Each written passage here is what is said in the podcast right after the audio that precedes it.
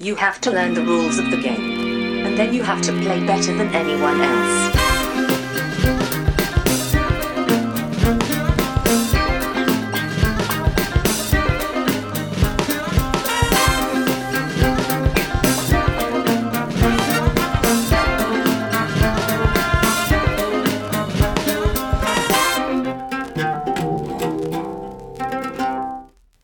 Hej och välkomna till Vems tur är det mellan turerna? Podden där vi pratar om brädspel. Jag heter Marcus Brisman och med mig har jag en av mina bästa vänner, Johan Gärderud. Hallå! Hur mår du? Ja, ja, ja. Oj, du ställde mig med din första fråga. Eh, jo då, nej men det, det, Det är är bra. fantastiskt. Eh, Det är bra här, det är bara bra. Hur är du själv? Det är bra. Nej, jag, jag, ibland så får, får jag för mig att ställa sådana där frågor och så är det... Undrar, det folk, jag får nästan alltid den reaktionen. Folk bara, "Va- varför, varför frågar du sådana konstiga saker? Men, ja. Vi ska ju prata om spel, va? ja, men precis. Det Det, är har inget med spel att göra. Nej, exakt. Em, vad, är, vad är tanken med den här podden då? Eh, Johan, vill du, vill du säga något om det? Ehm, ja, alltså vi, vi vill ju prata med varandra om spel. Eh, Ja. Och vi tycker ju att det hade varit roligt om vi spelade in det och lät folk lyssna på Alltså det var ju så vi startade den första versionen av den här podden egentligen. Och, Ja, precis. Och du, och du och jag har ju saknat det, eh, att prata med varandra om spel. Mm. Ehm, Men precis, för jag känner ju lite grann att när vi spelar in första intrycket så pratar vi om spel naturligtvis, men vi pratar alltid om ett specifikt spel.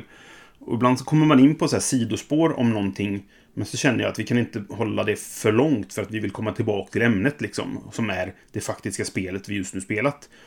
Eh, och då saknar jag som sagt att det här att, att kunna prata om spel bara, och köta om, om ja, vad det nu kan vara liksom. ja, precis. Ja, och, och, och förhoppningsvis så kanske vi kan komma till en del intressanta åsikter som, som, som går liksom lite djupare kanske än man, man tänker på om man pratar om precis ett spel då, eller en genre eller någonting sånt där. Mm. Alltså tanken är väl kanske att vi tar upp ett ämne varje gång och så diskuterar vi det. Eh, och vi kanske kommer ha gäster med, förhoppningsvis, ifall någon vill vara med och sådär. Det finns väldigt mycket kloka människor som vet saker om spel där ute, så att har vi ett speciellt ämne där någon kan uttala sig om det på någon sorts, ja men inte expertnivå, det kanske är svårt att hitta alltid, men, men någon som vi tror kan ha något att säga om det, så kanske vi bjuder in den personen och, och så får vi se vad det blir av det. Ja, helt enkelt. Redan nu kan vi väl säga att vi får se när de här avsnitten kommer. Tanken är att vi gör ett avsnitt när vi har någonting att prata om eller när vi känner för det. Så att den utgivningen kanske inte blir lika alltså, regelbunden som det är med, med eh, första intrycket då. Nej, precis. Och sen ska vi kanske tillägga att vi, eh, vi sitter ju inte i samma rum. Jag sitter ju i Stockholm. Ja, och jag är i Göteborg. Och det får väl bli när vi har tid helt enkelt. Ja, men precis. Vi har ju dessutom eh, barn båda två. Du är ju nybliven far vid inspelande stund. Mm, ja, precis. Jag har ju också barn nu. Det är lite nytt i Mm. mitt liv. Hur känns det? Ja, det känns som att jag inte spelar lika mycket som förr. Nej, det, första tiden är oftast lite grann sådär. Eh, det blir mycket koncentration på barn.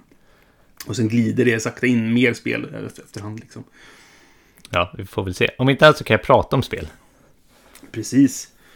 Och alltså, eh, att du är i Stockholm och att jag är i Göteborg, det är ju en av anledningarna till att vi slutade med den första podden som vi hade en gång i tiden. Alltså, den, jag läste faktiskt det eh, på Facebook, hade så här minnen idag. Att det, det är exakt nu då, eh, sex år sedan. Sex år sedan? Oj, jag trodde det var Ja, som vi fem. spelade, ja, men 2014 var det. Ja. Eh, just så vi spelade in det första avsnittet eh, uppe i Stockholm då. Huh. Och det spelade vi in när jag var på plats. För Precis. Då reste jag mycket i jobbet och så vidare. Och sen när jag inte gjorde det lika mycket så blev det svårt att hålla uppe det. Och då la, la vi ner den här, eller ja, vi la den på is egentligen. Ehm, Men det var ju en grej så- då att vi skulle spela, ha spelat de spelen vi pratade om tillsammans för att det skulle bli liksom Precis. lite mera äkta diskussioner. Mm. Och samma ramar liksom, hålla sig ingen. Men nu, nu släpper vi på det. ja, nu pratar vi bara om ett ämne istället. Ja, och lite Eh, utanför det ämnet, kanske.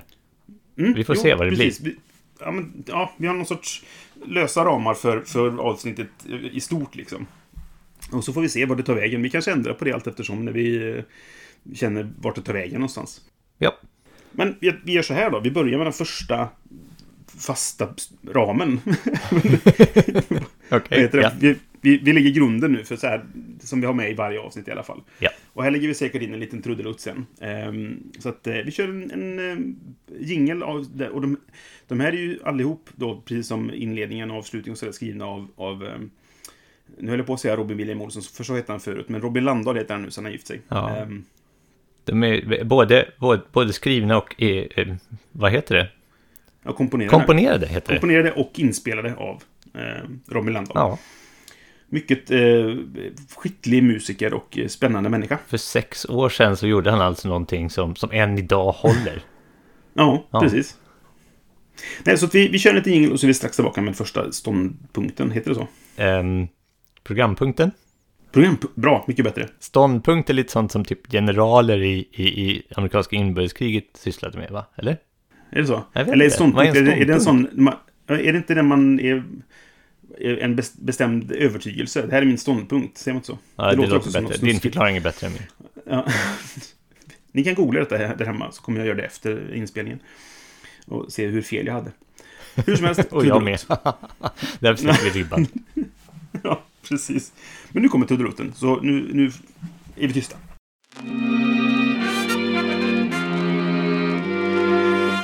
Okej, första programpunkten som vi kan kalla det nu då. Vad har vi spelat? Och då brukar vi väl kanske säga vad vi spelat sen sist då, men nu är det ju första gången så att vi tar upp ett spel som vi har spelat på varsitt håll nu då och eh, säger vad vi tycker om det eller vad vi inte tycker om det ifall det skulle vara så. Det är väl roligt att tipsa något som är bra va?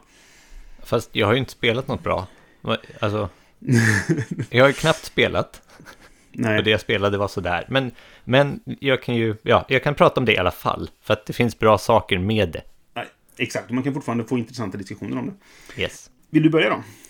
Ja, jag har spelat, om man nu inte räknar, jag har spelat typ så här tre rundor um, Yukon Airways för att lära mig spelet. Men det, det kanske vi inte ska prata om, jag spelade med mig själv, så det var ju sådär, kanske inte jätteroligt eh, att jag pratar om det. Men, men innan dess, ska jag säga, så spelade jag ett spel som heter Irish Gauge. Ja, just det. Gauge. Det känner jag till. Gage, tror jag. Gauge. Eh, som då är ett, eh, ett så här bygga, bygga tågsträckespel på Irland någon gång. Mm. Eh, I i, i nä, nära forntid. Eh, och då, Nära forntid. ja,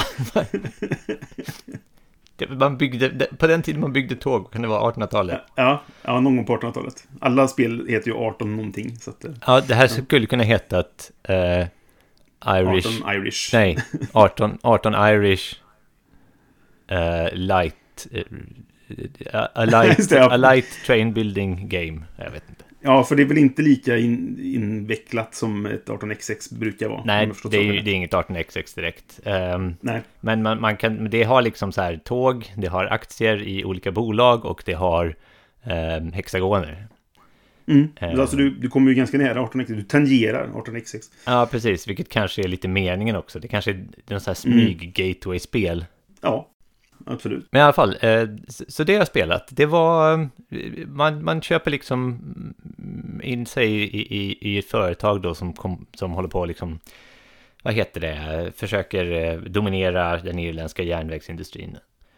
Mm. Eh, och drar räls mellan olika städer och fraktar eh, varor och sen får man aktieutdelning.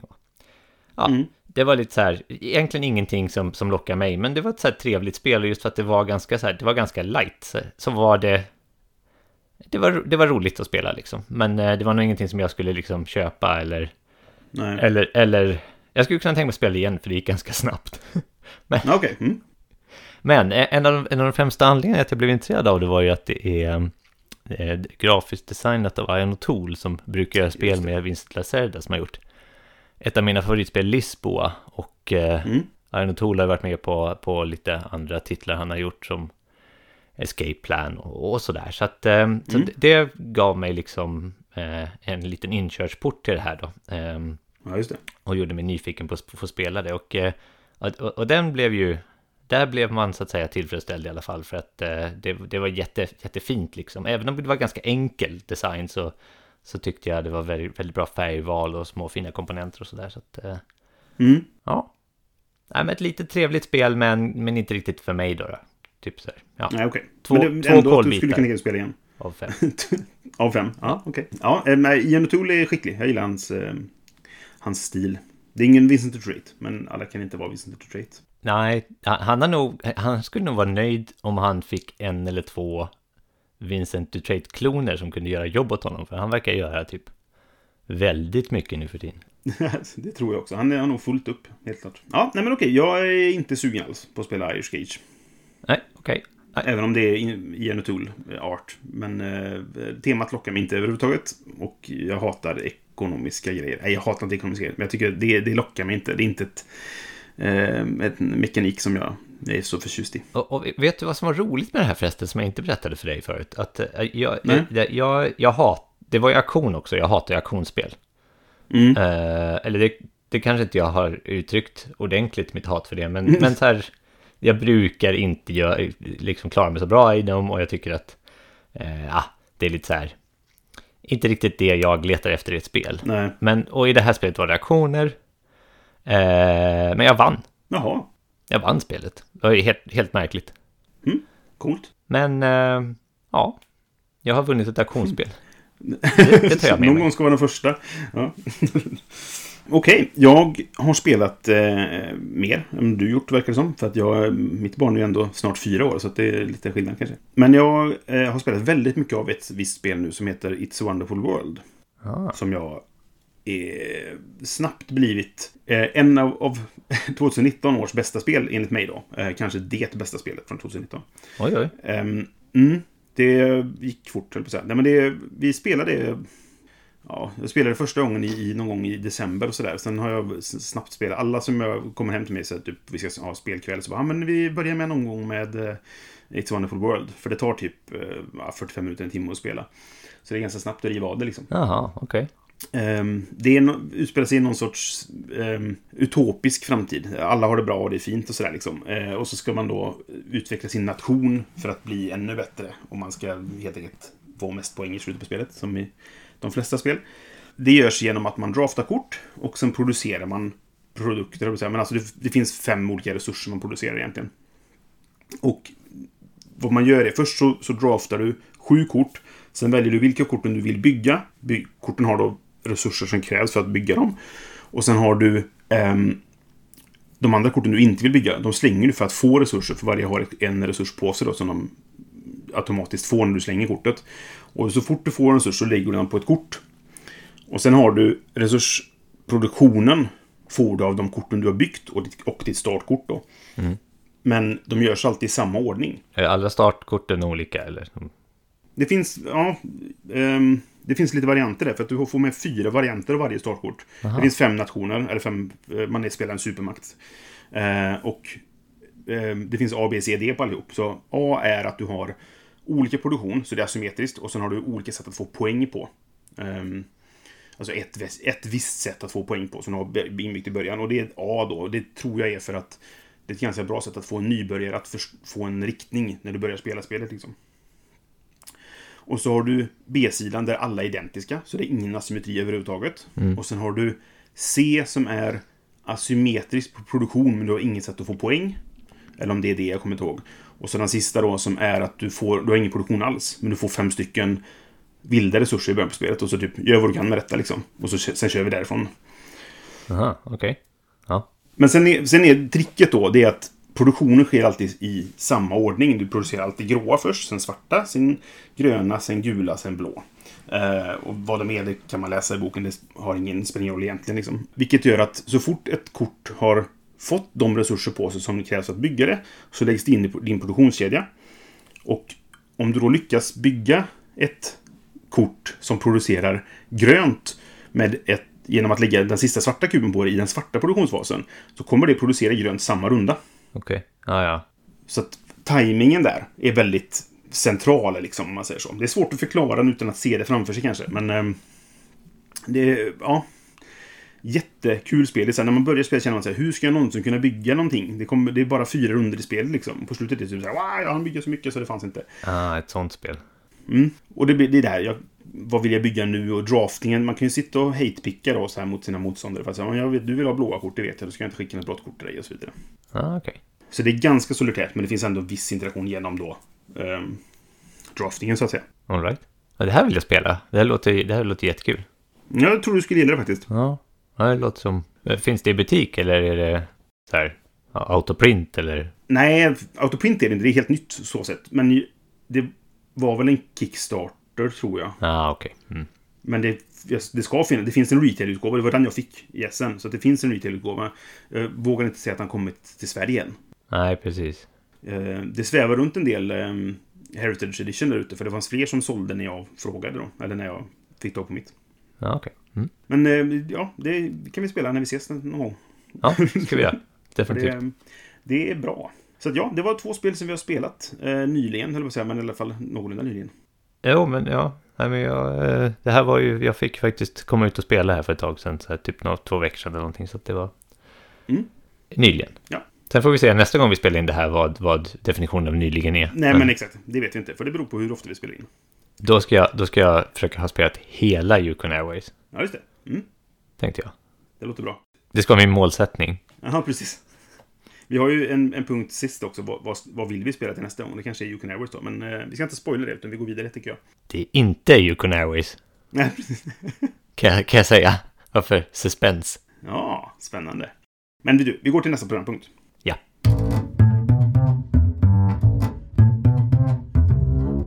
Okej, då tänkte vi gå in på ämnet för det här avsnittet. Vi tänker ju att vi ska ha ett ämne per avsnitt som vi, där vi diskuterar då. Nu har vi ingen gäst med den här gången för att vi testar lite grann på vad vi tycker om att göra det här överhuvudtaget. Och då tänkte vi att vad kan man bättre prata om än, än eh, varför spelar vi? Ja, Varför håller vi på med brädspel? Varför är vi en del av den här hobbyn liksom, så att säga? ja varför? Det, det, är ju inte alla som är. Nej. Nej. det, det är ju alltså, en ganska liten hobby egentligen. Men det känns som att den är väldigt stor för att det är så många personer som... Man får sin lilla filterbubbla där man rör sig med folk som håller på med samma hobby. Ja, precis. Men vi är ju egentligen inte så många som är hobbyister om man ska säga så då.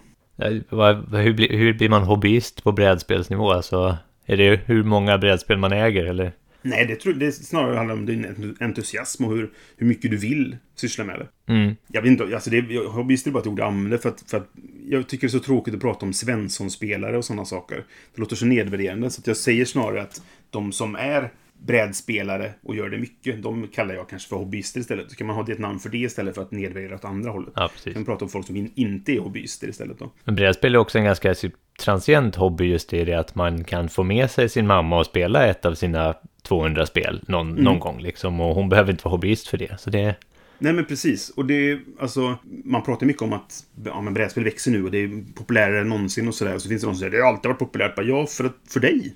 För du har varit en del av, du har varit hobbyist länge liksom. Du har varit en del av den världen.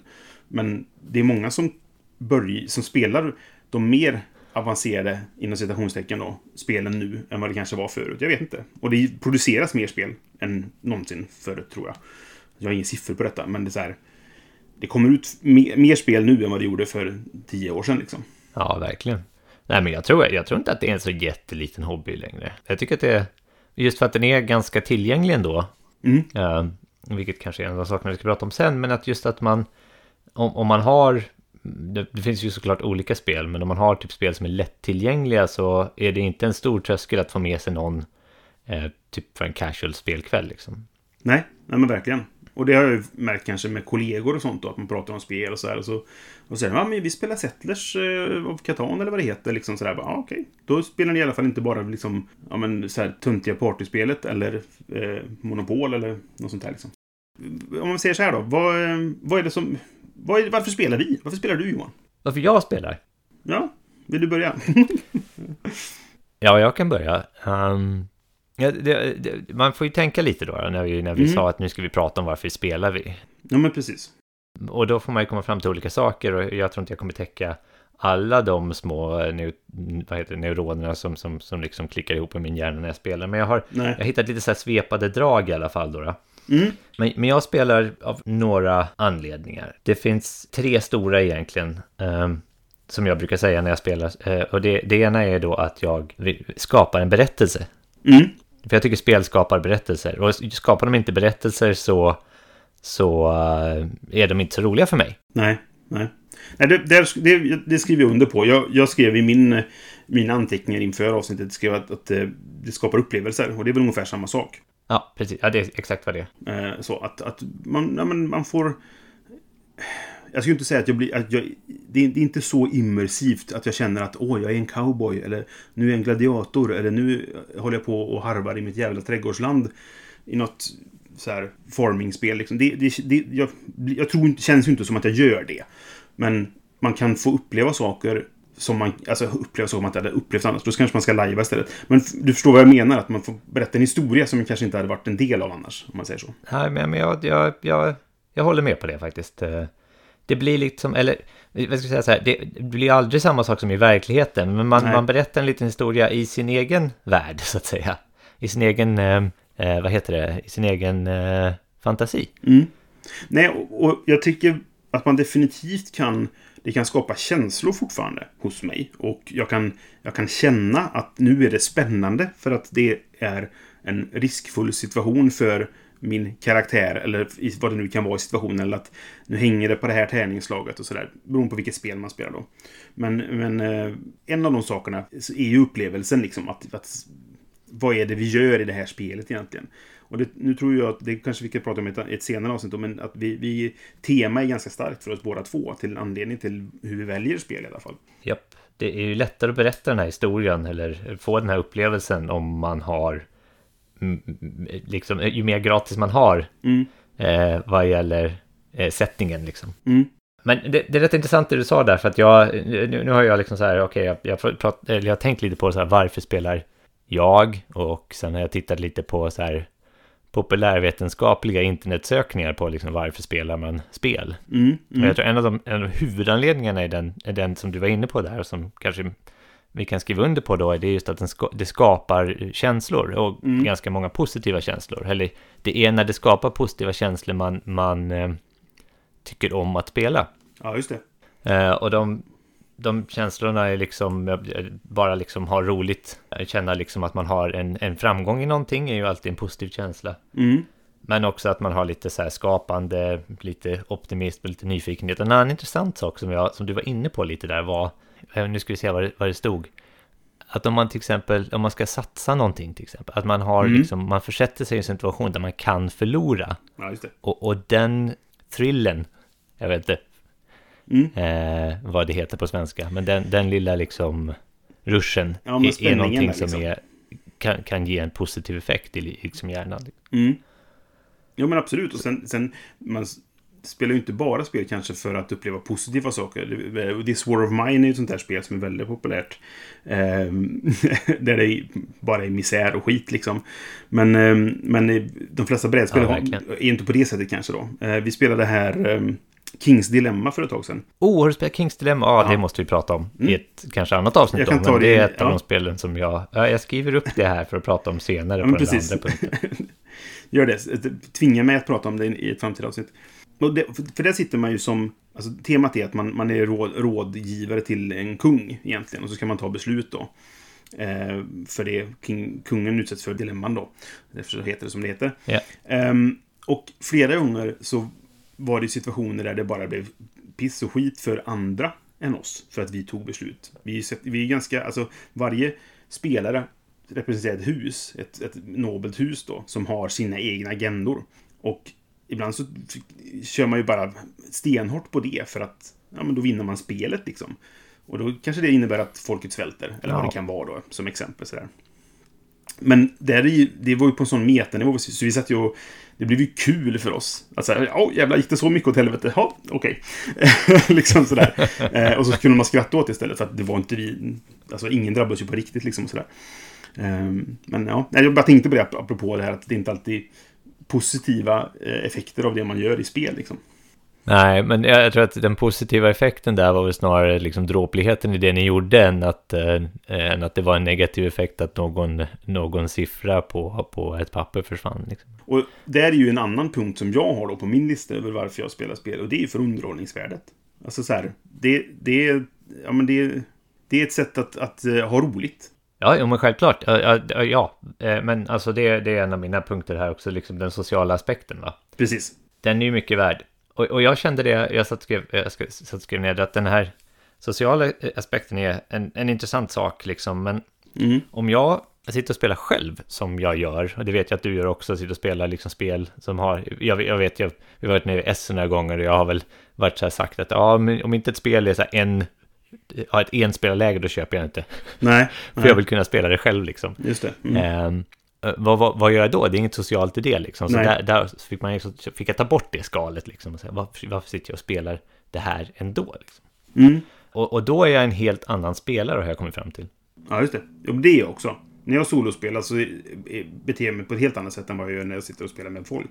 Precis, och då blir det liksom en prestigegrej att kunna, för att ett, ett spel som, som man kan spela själv ska man ju kunna hitta något sätt att tracka en progress på. Annars Mm. lägger man ju bara det åt sidan. Tycker jag då. Annars, det, om, jag inte, om jag inte kan få en score som jag själv kan slå så kommer jag aldrig spela ensam igen. Liksom. Då har jag bara spelat en gång för att lära mig det. Ja, just det. Men jag vet, jag satt, när jag fick Lord of the Rings kortspelet, då satt jag och spelade typ samma scenario flera, flera, flera gånger. För där kunde man ju räkna liksom ut sin score. Mm.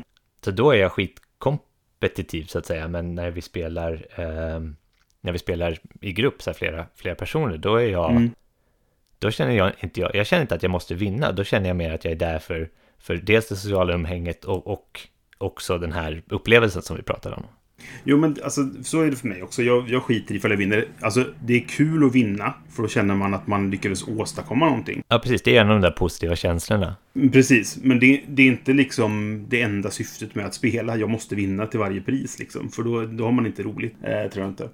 Ja, mm, jag tror att man är olika där. Du och jag har Jo. inte det i alla fall. Nej, nej, nej, nej, nej, nej alltså verkligen. Men det här, nu pratar vi om varför vi spelar. Ja, just det. Ja, förlåt. Mm. Du och jag. Ja, jag, jag känner jag glider lite mellan. Nej, nej, det är klart att fo- folk är olika, olika alltså, vinstdrivna, eller sådär. Och hur, vikt, hur mycket vinnarskallar de har är ju väldigt olika. Jo, precis, ja verkligen. Men jag tänkte på en sak med det här med, med det sociala, för att ehm, jag har tänkt mycket på det det senaste. Och eh, inför detta nu så tänkte jag på det också. Och det är att jag tycker att för mig, och det kanske stämmer för många andra också, jag vet inte. Men, men för mig så kan spel funka lite grann som socialt smörjmedel som får maskineriet att att glida bra, flyta på liksom sådär. Nej men just det, för jag är... Jag ska inte säga att jag är, att jag är helt introvert. För det är jag inte bara liksom. Men om jag umgås med en person jag inte känner så tycker jag det är ganska jobbigt. Ehm, för jag vet oftast inte vad jag ska prata om och jag, vet så här... Vad pratar normala människor om egentligen, du vet, så hela den biten. Men Okej. fin, finns det spel att umgås kring så är det mycket lättare. Har man det gemensamma intresset att man åker på spelkonvent till exempel. ehm, eller något liknande sådär. Då är det mycket lättare att, att umgås med helt nya människor. För vi kan alltid bara prata om spelet ifall det är så. Jag behöver inte sitta på eh, sitta och hitta på liksom vad jag ska prata om utöver det. Utan jag kan bara prata spelet. Om jag vill det. Ja, det är ju inget konstigt alls. Det är ju att man har en liksom gemensamma ramar liksom som Mm. man börjar ifrån. Ja, men precis. Men då underlättar det för mig att, att lära känna en person. För sen kan jag liksom... Ja, men genom att vi spelar tillsammans och har trevligt och vad det nu kan vara. Och så blir det att man, man, man glider ju gärna i, i diskussionen om in på andra ämnen och vad det kan nu vara då, under tiden man spelar eller efter man spelar medan man håller på att placka ihop spelet eller vad det nu kan vara. Eller man går ut och käkar efteråt tillsammans eller whatever. Precis. Men det, det under, då kanske jag har börjat lära känna personen och då kan vi prata om annat också, eller vad det kan vara liksom. Samtidigt som det alltid går att falla tillbaka på, om- på spel ifall man känner att det blir så här pinsam tystnad liksom. Ja, precis. Ja. Nej, men ja, självklart. Ja. För så här, jag, jag känner mig ibland lite så socialt missanpassad, för är jag i en situation där jag inte kan prata om spel, då vet jag inte riktigt vad, vad pratar jag ens om liksom sådär. Ehm, sen blir det lättare när jag känner en person, för då kan man prata om lite vad som helst egentligen.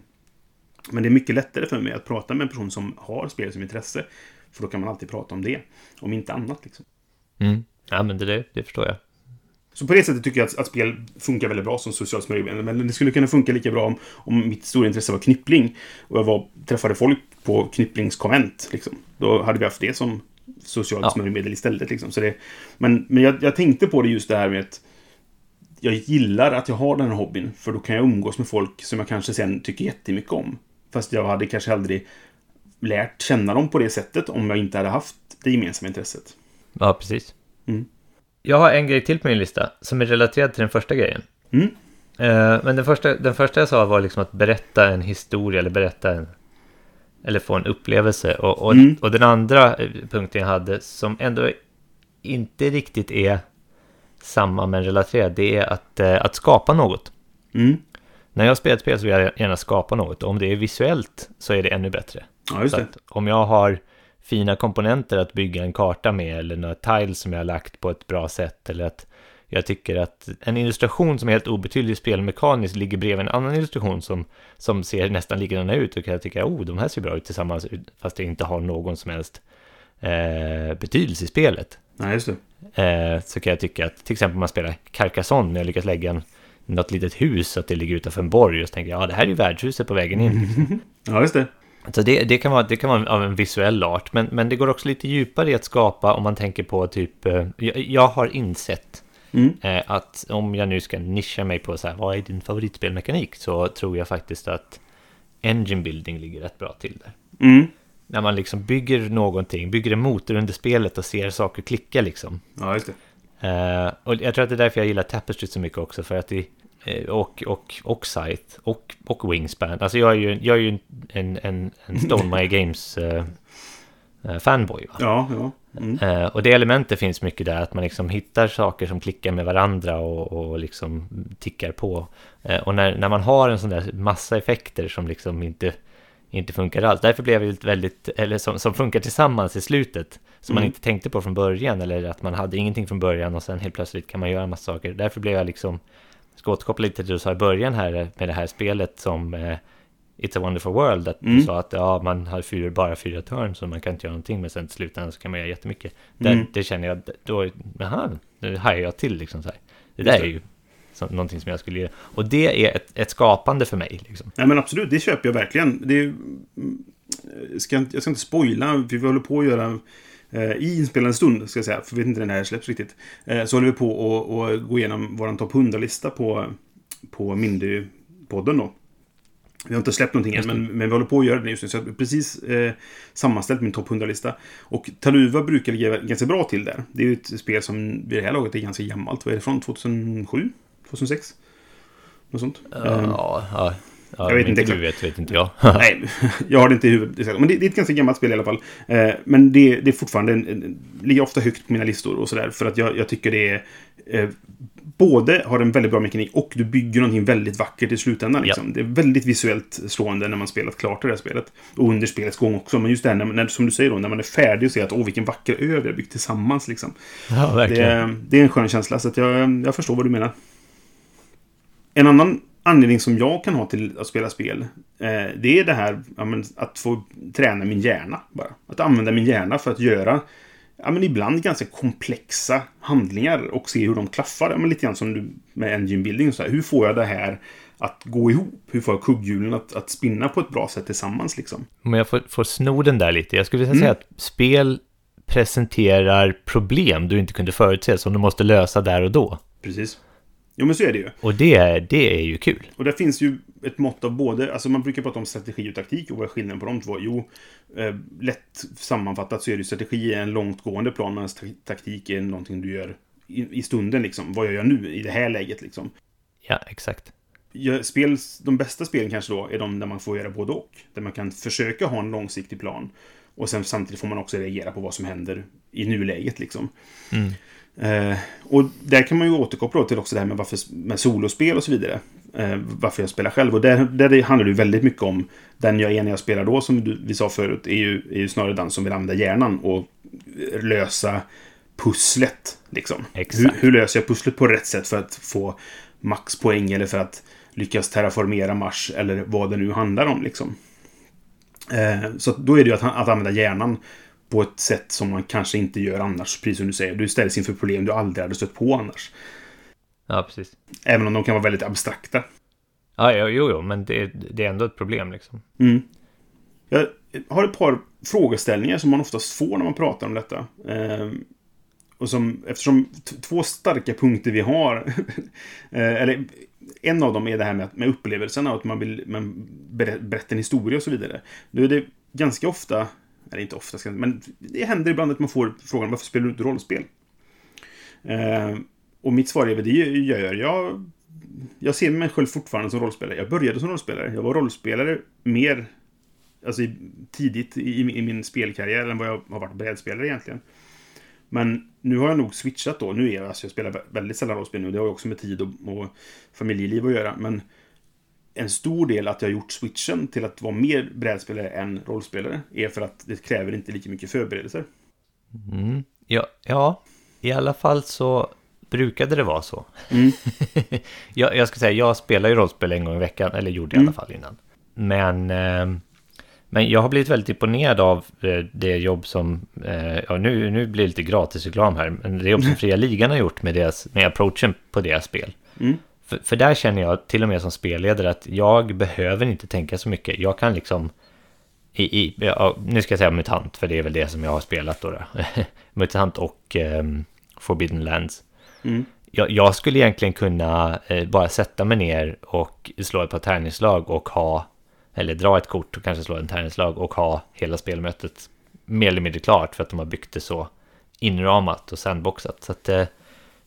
Jag, jag, tror att, jag tror att det finns möjlighet att vara rollspelare även om man inte har lika mycket tid som man brukade ha på ett mycket bättre sätt nu än det var för ja, när, när började vi med rollspel? Eller när spelade vi rollspel? Det var väl när vi var Ja, det är väl 20 år sedan i alla fall. Lite. Alltså, som vi började menar du? Ja, som du och jag började spela tillsammans. Ja, ja jo, det... Ja, vad kan det ha varit då? Det var ju Halmstad eh, 2000... Nej, vad säger jag? 97? Kan det ha varit det? Ja, precis. Just det. Ehm, ja, nej men alltså... Jag håller med dig och min spelledarstil är till stor del improvisation. Ja, där har du ju halva, halva lösningen där. Ja, men precis. För så här, den, den långa Vampire-kampanjen som vi spelade under många, många, många år. Där satte jag ramar. Jag skapade oftast en stad, jag skapade SLP i den och med lite plot-hooks i dem. Och sen sa jag till spelarna, vad gör ni? Och så fick det, tog vi det därifrån. Eh, och samma sak, den superhjältekampanjen som vi spelade är det senaste jag spelade egentligen innan jag tog en familjepaus, om man säger så. Någon gång, jag ska försöka komma igång med rollspel igen. Faktiskt, kanske jag ska spela eh, Masks of Nyarlathotep nu. Eh, och det ser jag fram emot. Så där ja. Men det, det, är lite, det är lite på test och se ifall det funkar familjelivet med att jag är borta en hel kväll i veckan. Liksom sådär. Men det får vi se. Skitsamma. Um, det senaste jag spelade före det var en um, superhjältekampanj egentligen. Där jag också skapade en ram och sen körde vi på och jag improviserade allt eftersom vad de gjorde så improviserade jag utifrån det liksom. Men det kräver fortfarande en del tankearbete och framförallt kanske förbered- en stor del av förberedelsen är när kan vi fyra spela nästa gång? För vi måste ha samma folk varje gång. Spelar vi en, en brädspel då kan vi ta, ja men idag kunde de här tre, idag kunde de här fyra, idag kunde vi, här, vi fem. Och man behöver inte tänka på att alla ska vara med varje gång liksom. Mm, ja. det är ju väldigt sant. Om man inte spelar ett kampanjspel då, som ett, ett legacy-spel eller det här Kings Dilemma då. För nu har vi låst in oss i Kings Dilemma att nu måste vi spela med vi fyra som var Samma med sist. personer, ja. Mm. Så är det ju. Eh, men det, det är fortfarande någonting som vi kanske gör 10, 12, 15 gånger istället för 30, 18 gånger liksom. Så det kanske blir en rollspelskampanj då.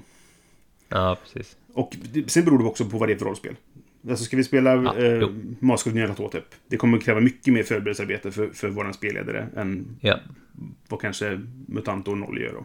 Ja, nej, det, man, man, får ju på något sätt komma överens, komma överens om någon slags nivå där. Och, Mm. ehm, jag, jag, jag tror att det kan man inte göra i, i Master of Nyarlathotep, men i, i MUTANT så kan man kanske ha en pool av sex spelare och så säger man, ja, kan tre stycken så kör vi liksom. Mm. Jo, men precis. Den, den in- inställningen kan man ju också ha ganska mycket. När vi spelade det här superhjältespelet så kom vi till slut in i en situation där vi hade två grupper som spelade parallellt.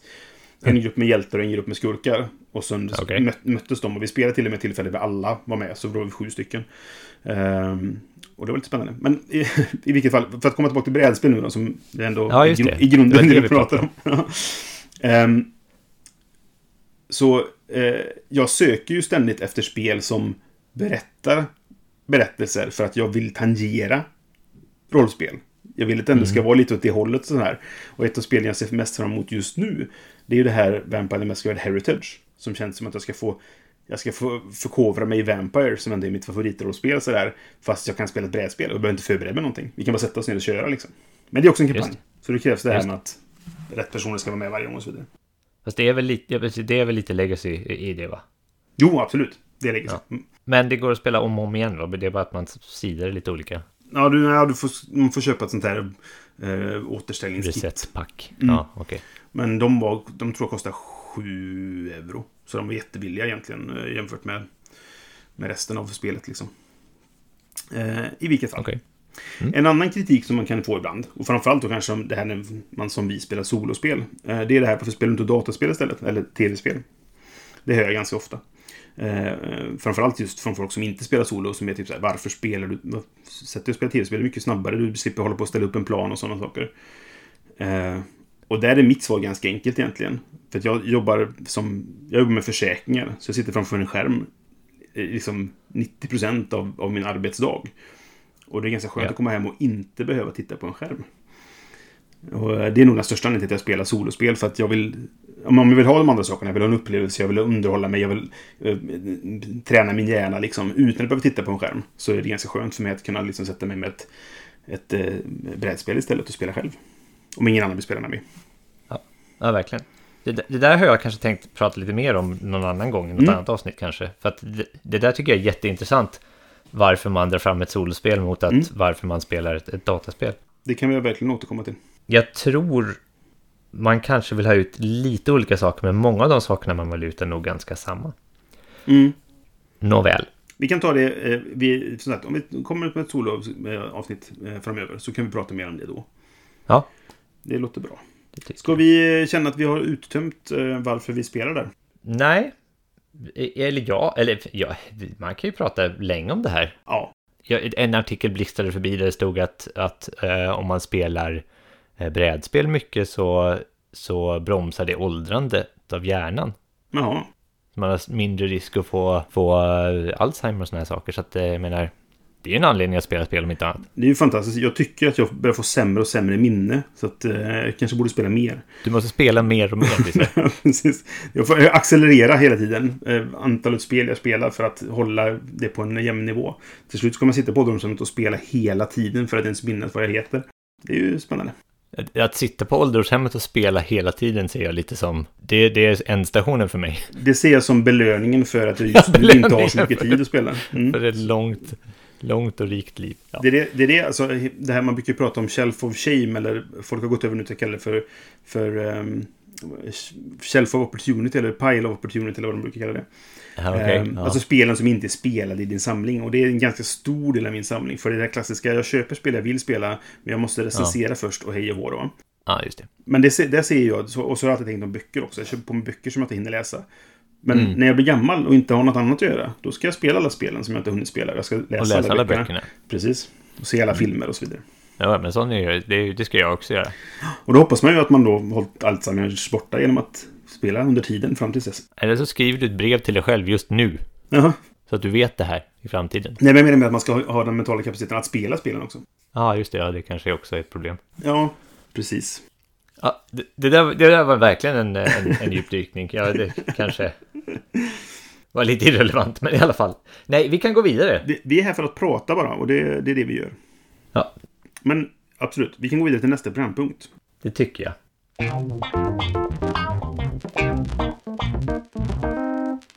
Vi tänkte så här att vi inte bara ska prata om brädspel.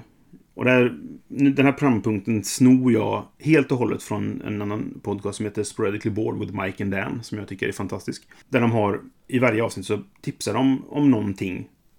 Vad som helst egentligen. Oftast är det något, en bok eller en film eller, eller musik eller någonting. Men någonting som inte är brädspelsrelaterat överhuvudtaget. Kan det inte vara relaterat överhuvudtaget? Nej, det, nej, det, det behöver det inte vara. Men alltså det, det, det är inte ett brädspel. Okej. Och det kanske inte är ens en bok om brädspel. Eller liknande. Men det kan, det kan finnas vändiagram som ändå går i varandra lite grann. Så här. Mitt, det jag har till det här har ändå lite kopplingar. Eh, sådär. Men det ska inte vara ett spel, tänker jag. Okej. Nej. Jag kan börja, så får du Nu är jag reda på nyfiken. direkt vad det är nämligen. Eh, jag tänker eh, rekommendera en eh, boktrilogi Jaha. som är skriven av Anders Fager. Som ändå har gett ut lite brädspel och hållit på med brädspel ett tag. Just det. Eh, och han har skrivit en... Eh, han skriver böcker i, i sitt eget lilla Cthulhu-mytos-variant. Han skriver om, om, eh, om Sverige framförallt då. I, I sin egen lilla mytos. Där han lånar starkt från, från Lovecraft. Okej. Och han har skrivit några fristående novellsamlingar som heter Samlade svenska kulter och kanske något mer. Jag kommer faktiskt inte ihåg nu på rak arm. Men, men så har han också skrivit en trilogi då som heter Fallet Cornelia Karlsson. Heter trilogin då. Som består av tre böcker. Där den första heter Jag såg henne idag i receptionen. Den andra heter En man av stil och smak. Och den sista heter Krig! Barn! Med utropstecken. Okej. Mm, Och den ges faktiskt ut av Eloso nu då. Alltså i det, det Ja. slutgiltiga tryckta, hela trilogin är färdig. De tidigare böckerna ges ut annorlunda. Men nu ges de ut av Eloso förlag som ju eh, drivs av vår vän Björn. Men då, då, då, då led, vet du om då Anders Fagers... För, för Eloso ska väl ge ut ett svenskt kult... Nej, Cthulhu, ja. Cthulhu-rollspel va? Yes. Spelar, utspelar sig det i den här världen som Fager skriver i? Ja, nej. Alltså grejen är att jag tror inte att egentligen att Fagers värld behöver vara någon annan än den som beskrivs i övrigt Cthulhu-media liksom. Sådär. Men han har gjort sin right. egen twist på det. Och han, alltså, allting är ju inte direkt Cthulhu, eller alltså det mytoset, om man säger så. Men han, han blandar ju in det hela tiden. Och jag skulle nog kunna tänka mig att han ska skriva saker, vet jag, till eh, Cthulhu, den svenska utgåvan. Ehm, men det finns ju ett rollspel som utspelar sig i svenska kulter, universat så att säga. Som heter Svenska kulter. Men jag vet inte ifall de natur, alltså, nödvändigtvis behöver gå emot varandra. Och de kan Nej. säkert utspela sig De i varandra. kompletterar varandra. Ja, men precis. Så att jag tror inte det är något problem på det sättet egentligen. Ehm, men jag gillar Fagers skriv, sätt att skriva liksom. Han har ett, ett flöde i sitt, sitt språk och han... Eh, när jag började läsa Svenska kulter, då, den första boken, liksom, så tyckte jag att han hade väldigt så här ryckigt sätt att skriva. Det kom mycket korta meningar och sådana saker. Men man kommer in i det efter ett tag. Och efter ett tag så blir, är det... Alltså, det gör att spe, språket flyter på på något sätt. Och så är det mycket så här populärkulturella referenser och sådana saker som ändå är... Nu är han ju lite äldre än jag, men ändå vi... Vi lever i ungefär samma generation. I någon sorts vidare spektrum då. Ehm, så jag förstår de flesta kopplingarna han gör liksom. Okej. Och eh, ja, men, eh, intressant läsning.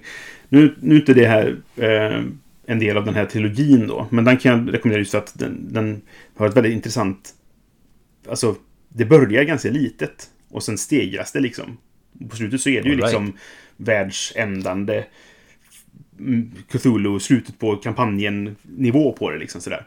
All right. Eh, och det är roligt i sig. Eh, men det bästa han har skrivit, enligt mig nu då, det är en, en av eh, novellerna i den här eh, novellsamlingen som heter Leka med Liam. Som eh, handlar om ett, eh, ett förskolebarn som hittar på obehagliga saker.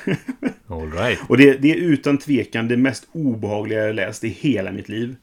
Eh, och det var ens före jag skaffade barn. Jag har inte läst om Leka med Liam sen jag, eh, sen jag fick Ella. Men eh, ja, och jag, jag nämnde det här för Fagon vid något tillfälle och han sa att ah, ja, han skulle, om man höll på att skriva, eller om man hade planer på att skriva en fortsättning där Liam har blivit, växt upp och nu liksom är en del av Stockholms nöjesliv eller hur det nu var. Liksom så. Och det, ja, det skulle vara intressant att läsa. Jag kommer inte ihåg ifall det är någon av böckerna som jag inte har hunnit läsa. För han har skrivit mer saker än vad jag har hunnit, hunnit med. Men jag, jag läste precis ut eh, sista boken nu då i, eh, i trilogin och eh, är, nöjd med helheten. Så jag kände att det här behöver jag tipsa om. Eh, Ah. Så det är väl lite brädspelsrelaterat i och med att det ändå är så här Cthulhu och hela den biten. Det är ju ganska populärt brädspelstema också. Ja, det är definitivt inom våra nördradar. Jo men precis. Så det är mitt tips. Jaha. Var det tvunget att vara ett tips? Nej. Jag kallar det... Alltså, min, min idé var att, man, att vi nämner någonting som man kan ta en titt på. Jag tänkte få alla att lida med mig, alla som känner igen det här. Okej? Mm. Eh, jag uh, återupptäckte nyligen en ganska populär, jag vet inte om det var en flashfilm eller, eller om det var ett tidigt YouTube-skede, eh, en eh, ganska dåligt tecknad låt som hette The Ultimate Showdown of Ultimate Destiny. Just det. Kommer du ihåg den? Mm, jag känner väldigt väl igen det, men nu kan jag inte riktigt komma på... Jo, är det den de är på någon sorts arena så är det bara en massa kända karaktärer från filmer? Nej, det är något annat. Okej. Men, men, eh, men det här är typ så här. Det, först kommer Godzilla och sen så kommer Stålmannen som slår ihjäl Godzilla och sen kommer Optimus Prime och, och alla slåss mot alla. Mm. Men det kan vara den jag tänker på också, men ja, det var så länge sedan jag det, såg den. kanske, det kanske är samma, jag vet inte. Men de har tydligen, det är tydligen något, något band som har gjort en, eh, de har eh, gjort en riktig inspelning då av, det var ju tidigare en ganska samplad, Mm. eh, ganska dålig kvalitet. De har spelat in en låt nu då som de har lagt över den här gamla, ganska dåliga videon på. Okej. Eh, och den är jävligt catchy. Ja, ja, ja. Så jag, jag, jag hörde den här häromdagen och så, den har suttit i mitt huvud så här. Så om ni har hört den här förut och går in så kommer ni direkt så här återkoppla och höra den och vara liksom... Ja, så kommer den sitta där. ja. Så gör inte det. Jag, I dare you. I alla fall, Eh, själva låten finns också på Spotify om man vill, om man vill lyssna på bara den utan att se den här dåliga filmen. Okej, ja. Så det tänkte jag eh, antitipsa om. Nej, men jag, jag, har en, jag har en annat, ett annat tips också. ja. Jag uppskattar antitips också. Undvik det här om du inte vill ha en sån här, vad, vad säger man på svenska? Earworm säger man på engelska. Ja, Eh, Men någonting fastnar i på hjärnan liksom. ja precis. Det här har jag ett tips förresten. Jag, jag, men det finns ju ett ord. Ja, Om, om ni lyssnare vet vilket ord vi letar efter Ja, får ni skriva det i kommentarsfältet på, på Facebook eller någonting. jag kan ta då två snabba tips för hur man blir av med en, med en earworm, eller vad det nu heter på svenska. Det finns två, två Ja. olika eh, saker man kan testa. Det är inte alltid det funkar. Eh, du kan testa dels att, att nynna på låten, som man oftast gör då, eller om den fastnar i hjärnan, och så spelar man den i huvudet. Och så skapar man ett avslut på den. För ofta det ju bara typ en rad, eller refrängen eller någonting som sitter fast i huvudet. Och så skapar du ett avslut Med en final liksom. Så här, och så vad det nu kan vara. Och sen är den avslutad och då försvinner den ibland för att den behöver inte Ah. snurra längre. För den, den Man är, har fått closure liksom. Precis. Och det funkar ibland. Eh, och ett annat tips är att man ska sjunga på eh, Private Dancer. Med, det är väl Tina Turner, mm, den låten.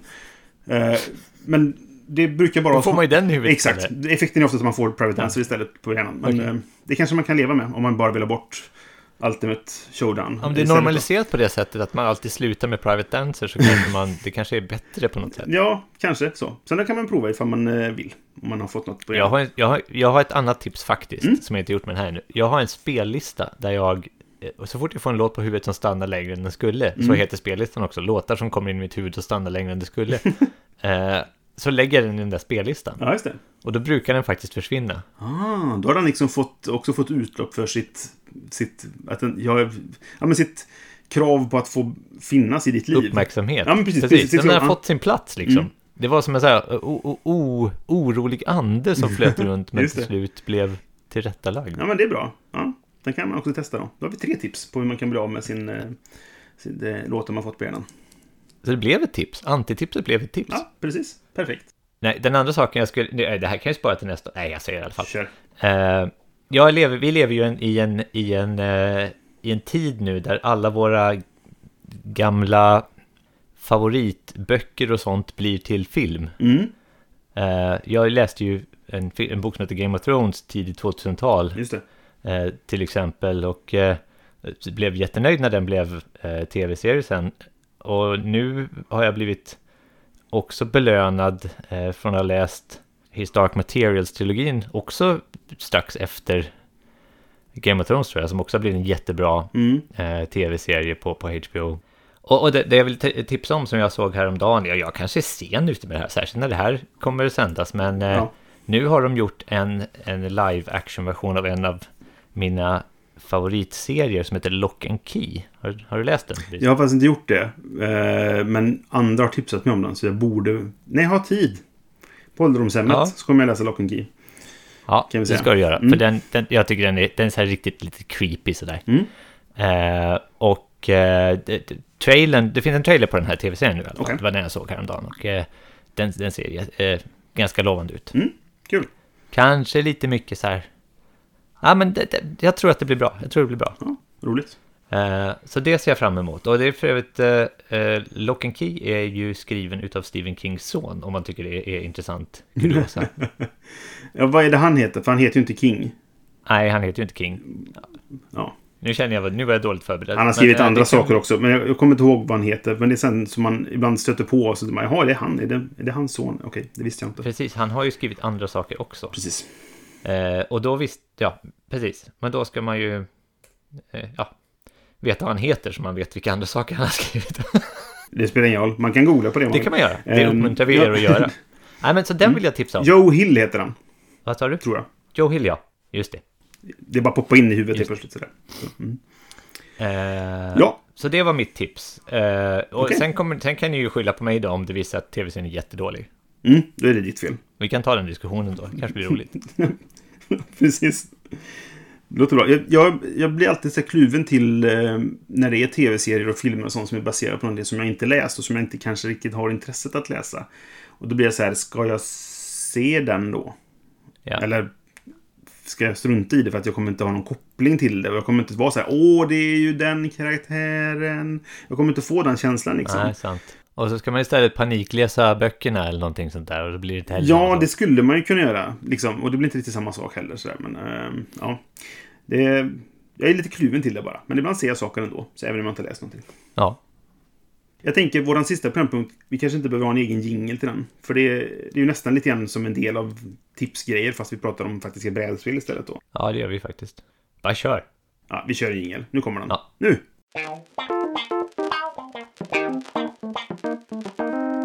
Ja, sista programpunkten är helt enkelt vad ser vi fram emot att spela till nästa gång? Förhoppningsvis. Och det här är ju också då, det är ju inte säkert att det blir så. Men vad skulle vi vilja ha hunnit spela till nästa gång? Ja. Kan, det är ett väldigt långt namn på programpunkten, men den skulle kunna heta så. Nu har ju du då gett mig två grejer här under avsnittet som jag ser fram emot att spela. Ja, Så de ska jag säga direkt. okej. Och det är ju Kings Dilemma Ja. och It's a Wonderful World. Jag kan ju skriva under på Kings Dilemma, för jag vill ju väldigt gärna fortsätta den kampanjen. Ja. Vi hade väldigt roligt när vi spelade. Eh, och vi vill se vart det tar vägen. Men det är inte det som jag kommer ha som mitt... Jag ska bara välja ett. Sådär. Eh, och det är inte det som jag kommer ha som mitt val. Men hade du något mer du ville nämna? Ja, jag vill spela ett spel som heter Cartographers. Mm, just det. Och det är alltså en uppföljare till Roll and, Roll and Write. Nej, vad heter det? Det är ett Roll and Write-uppföljare till eh, Roleplayer. Roleplayer. Just det. Du spelar sig i samma värld, tror jag. Precis. Eh, de har gjort fler. Det finns ju ett som heter... Eh, lalalala, något med lock. Locked Up, kanske? Heter det så? Kanske det. Jag vet, jag vet ingenting om de här spelen, för Det- jag spelade Roleplayer och tyckte att det var sådär... Mm. Jaha, och nu då? Du tyckte det var rätt mediokert. Ja. Om jag kommer ihåg rätt. Det var så här, nu bygger du en karaktär och så får du poäng. Ja, Jag, jag gillar roleplayer, men det, det är inte ett spel jag... jag jo, jag tar nog fram det för temat är kul. Men det är ju ganska abstrakt egentligen. Jag, jag, tyckte att, jag, jag, jag tyckte att det borde ha tickat alla mina det här berätta en historia och skapa något-grejerna som jag, som jag pratade Mm. om innan. Det borde vara ett perfekt spel för det, men det blev aldrig så. Nej, men det förstår jag för att du... När du, precis när du är klar och det ska börja bli en berättelse, då är du färdig, då är spelet slut. Ja, precis. Men det finns en expansion som jag har, men inte har spelat med. Där du börjar slåss mot monster och grejer också. Jag har också läst någonstans på internet, så det här kanske Ja. är sant, att det finns något sätt att konvertera den rollpersonen du, du, du liksom slog fram i roleplayer till en eh, D&D 5 edition-karaktär eller någonting sånt där. Det finns det säkert, och vet du vad? Jag tror att folk som har kommit på den idén, det är de som vill powergamea för att du får sjukt bra karaktärer om du konverterar dem. Eftersom Ja. du har så mycket manipulation av Ja, tärningslagen. Och så har du en bara- massa magiska prylar och grejer också. Ja, men precis. Så att jag tror det är folk som bara, åh, tänk om man skulle få, kunna få spela med den här karaktären. Det hade varit bra. Han är ju 18 i allt. Eh, så bara, ja, det vill du. Ja, men då kanske monstren har 20 i allt. Alltså det, Ja, ja. jo visst. Det, precis. Du får konvertera också. Eh, Jag spelar med en roleplayer-karaktär alltså. Ja, men vänta. Du får ta fram den här monsterboken. just det. Eh, Ett eget supplement. Nu, nu ska jag dra ihop säcken här. I alla fall, och det har, det har liksom gjort att jag har att jag hade en lite medioker upplevelse där, så det har gjort Mm. att jag har liksom ignorerat de här spelen lite. Men, då, Ja, men var, vi spelade tillsammans väl? Det var på Gothcon för några år sedan. ja, precis. Ja, roleplay ja, verkligen. Japp. Men eh, i mitt, eh, en, en av mina vänner i en Facebook-chatt jag var med i, eh, la upp sin... I, i, det här, I det här Cartographer så bygger man en karta. Det är som en roll and write som man bygger en karta med. Mm. Det är ju inte roll då, men det är ju sådana här kort tror jag. Men det är, det är väl under roll and write. Eh, Flip and right. Den underkategorin flip and right. mm. Det är det säkert. Mm. Men här är det typ flip and draw. För du ritar väl faktiska kartbitar liksom. Ja, exakt. Så min kompis han la upp en, en, en kartan hade, hade ritat. Mm. Eh, och jag nämner honom inte vid namn här, men han hade så här jättemånga minuspoäng. Det var inte en särskilt bra mål för honom tror jag. Nej, Så jag vill, jag vill kanske inte att folk ska veta vem man är. behöver inte shamea honom. Nej. Men han vet det själv om han lyssnar på det här. Ja, men precis. I alla fall. Eh, och jag bara, det här ska jag ju spela. Mm. Dels för att jag gillar att skapa saker och jag gillar specifikt att skapa kartor. Det är Ja, jätteroligt. precis. Ja. Eh, plus att jag vill slå min kompis dåliga score. eh, så jag gick glad i hågen och skulle köpa det här eh, till alla Stockholms spelbutiker. Mm. Nej, helt slut. Borta. Ja. Så gick jag till alla onlinebutiker jag kände till i huvudet, som ändå är en hel del. Nej, Ja. helt slut. Borta. Hoppla. Sen gick jag hem och blev sur. Ja. Och fick inte spela det här. Nej. Så det ser jag verkligen fram emot att spela. Jag har kollat på det. För att jag... Jag, var, jag, jag blev väldigt inne i roll right genren ett tag. Jo, jag känner, jag känner till det. Ja, nu, nu är jag lite trött på den. Eller sådär. Eh, men fortfarande är det så här. Hör jag talas om ett spel, bara, åh, det kittlar lite någonstans. Eh, I speltarmen sådär. Men, ja. Ja, jag blev aldrig lika begeistrad faktiskt. Men ja, men det, det är okej. Du, du får ha fel där. Men, eh, ja, ja. ja. nej, men, eh, och jag kollar på Cartographers. Problemet är att jag skulle inte kunna rita med ur en blöt papperspåse. Jag är så fruktansvärt dålig på att rita. Så att det skulle se ut som ett skämt när jag var klar med min karta. Och folk skulle men vänta nu, här har du inte fått poäng. Jo, jo, det där är ett träsk, jag lovar. Och folk bara, nej, ser inte ut som ett träsk. Jag Bara, fast det är det. ja. Nej, det- du har nog, du har nog spelat fel här. Eh, vi spelar ju... Jag kommer inte ihåg när det var, men vi spelade det här... Vänta, jag måste bara kolla i min hylla. Under tiden medan du kollar upp det så ska jag ge dig ett, ett tips. Okej. Eftersom den här podden är full av tips nu. Eh, om du ska rita så en blöt papperspåse ett ganska dåligt utgångsläge. Jag skulle rekommendera typ en vit vägg eller ett papper ur kopiatorn på jobbet. Det, det, uttrycket är egentligen att man inte kan, kan slå sin väg ur en blöt papperspåse. Det är ett eng, engelskt uttryck från början. Okej. Fight his way out of a wet, wet paper bag. Och det är för att det lättaste som finns är att ta sönder en blöt papperspåse. Eh, och jag tycker det är kul att överföra det till andra saker. Jag läste en recension av... Ja, men precis. Jag ville bara jag, mig lite. jag, jag läste en recension av eh, Spice World, the movie. Alltså film, Spice Girls-filmen. Ja, just det. Där de skrev att eh, Scary Spice, kanske? Mel B. Couldn't act herself out of a paper, paper bag. Ah. Och sen dess har jag använt det här till alla saker där man är dålig på någonting. Liksom. Eh, men ja, i alla fall. Nu vet vi vad du pratar om nästa gång. Precis. Vi spelade Rolling Ranch, som är ett spel där man eh, slår tärningar och, och ritar. Då var jag med. Mm, precis. Och då ska man ju rita små hus och man ska rita en gris och en kossa och allt vad det var. Och jag bara, det här går inte. Men Hade- Hade du en stämpel när du gjorde det? Precis, för om man köpte det i Essen Ja. så fick man som en promo med stämplar på grisar. Inte husen, men de är lite lättare för det är mer raka streck sådär. Det, det kan jag typ fixa, kanske. Okej. Eh, men du stämplar alla djuren i alla fall. Så då kunde jag spela det spelet också. Men Cartographers, då skulle jag behöva stämpla för alla typ, terrängtyper och monstergrejer och allt vad det är. Liksom. Så att jag, jag har lite liksom sållat bort det från... Jag, det verkar kul. Jag, jag gillar idén på att rita kartor. Men jag kan inte rita kartor. Framförallt säger, säger min kompis som spelade så dåligt att det var väldigt bra som ett enspelarspel då. då. Okej. Att han Mm. kunde spela det själv liksom. Mm. Ja, får jag chansen att testa det kommer jag inte säga nej, om vi säger så då. Men sen kan jag sitta och rita för mig själv och så kan jag bara, nej jag förlorade. Men nu har inte jag sagt att det var bra. Jag har bara sagt att jag vill pröva det. Du kan ju låta mig Nej, pröva jag, det först, Jag, sen kan jag det. ju säga. Jag menar det. Jag skulle, också vilja, jag skulle också kunna tänka mig att pröva det. Men Ja. eh, jag kommer inte skaffa det, för att då kommer jag ha ett spel som jag bara inte vill spela för att jag är så dålig på att rita. Eller så kan du se det som en, en growth opportunity, där du kan liksom växa Mm. i dina rit-skills. Ja, kanske. Jag ska ändå uppfostra någon sorts barn här nu som kommer rita saker. Då kommer man behöva rita tillsammans och sådär. Ja. Och jag, ja, det händer väldigt ofta att jag, jag vill rita med dig pappa och jag bara Du kan rita med din mamma, för hon kan rita. så, men ja, vi får se. Um, ska jag eh, tänka, säga vad jag vill spela? ja, gärna. Jag har precis avslutat eh, ihopsättandet av figurerna och husen och allt vad det är till Marvel Crisis Protocol. Ja, den kunde jag sett komma. Ja, men precis. Det här är ju någon sorts skirmish eh, fighting-spel med Marvel-tema. Och jag älskar ju Marvel. Jag är ju sjuk Marvel-fanboy sådär. Eh, och hörde talas om det här spelet så jag bara, ja, det här är... Varför har jag inte det redan? Varför finns det inte liksom här hos mig redan? När jag hörde talas om det. Ehm, så nu har jag skaffat det och jag har eh, satt ihop figurerna som för övrigt är det mest pilliga jag någonsin gjort, tror jag. Ehm, det är väldigt mycket små delar. Väldigt mycket...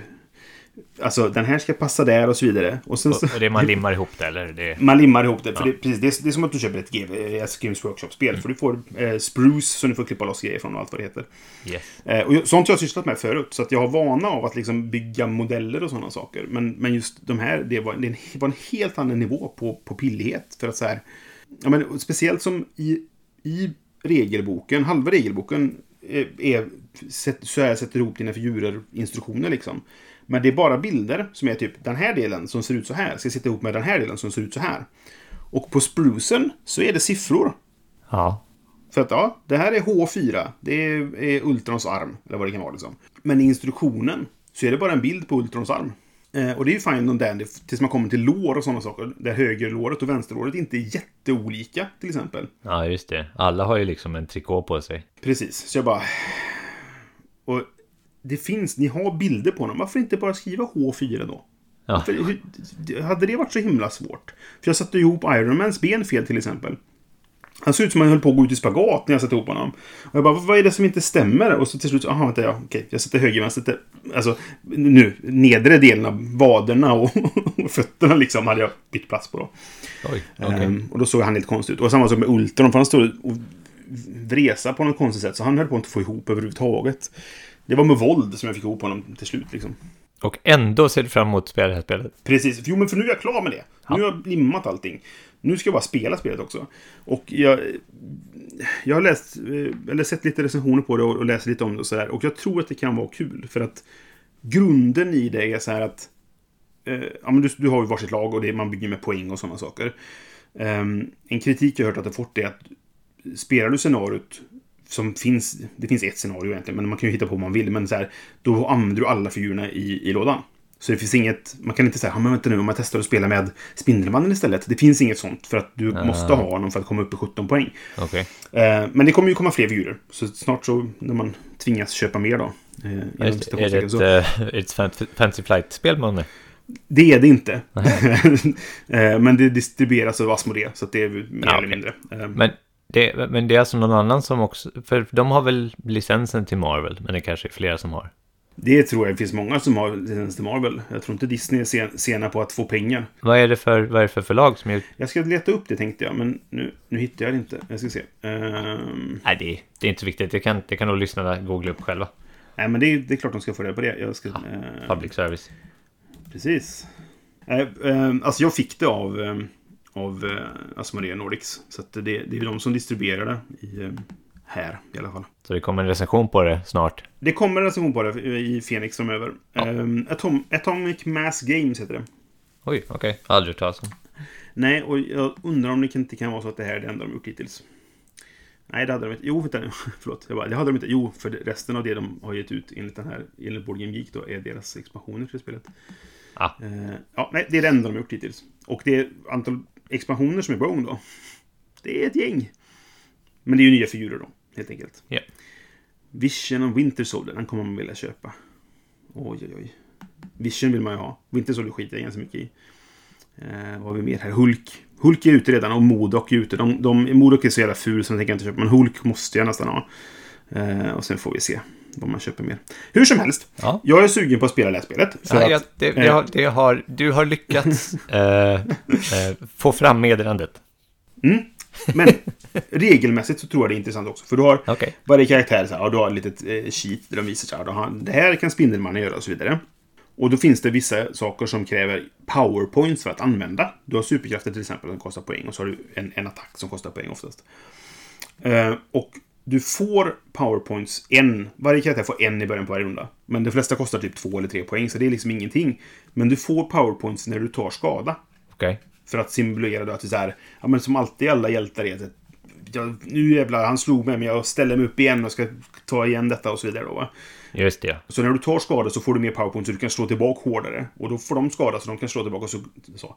Ehm, och det finns regler för att här, slänga bilar på varandra och, och kasta, slå in någon i en lyktstolpe och sånt. Och det, jag bara, det känns som att det här kan bli väldigt roligt. Vi får se hur det blir i, i praktiken då, men det verkar skoj i alla fall. Och det är Marvel. Och då blir jag ny, nyfiken. Cool. Ja, så det, det är det jag hoppas få spelat till, eh, tills nästa gång vi pratar. Ska du måla figurerna också? Jag tänkte det. Och jag tänkte att jag ska testa på de här eh, eh, GVs nya färger. De här kontrastfärgerna. Mm. Ska jag prova på. Så jag köpte eh, de färger jag behöver för att måla det här sättet. Alltså startsättet då.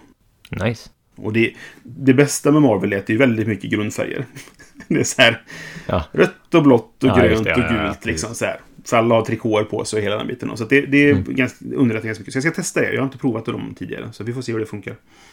Ehm, Men jag tänkte jag skulle måla bara så att det blir väl roligare. Men jag, jag ska göra så här. Jag provar spelet först. Är det jättedåligt Ja. så kanske jag säljer det istället.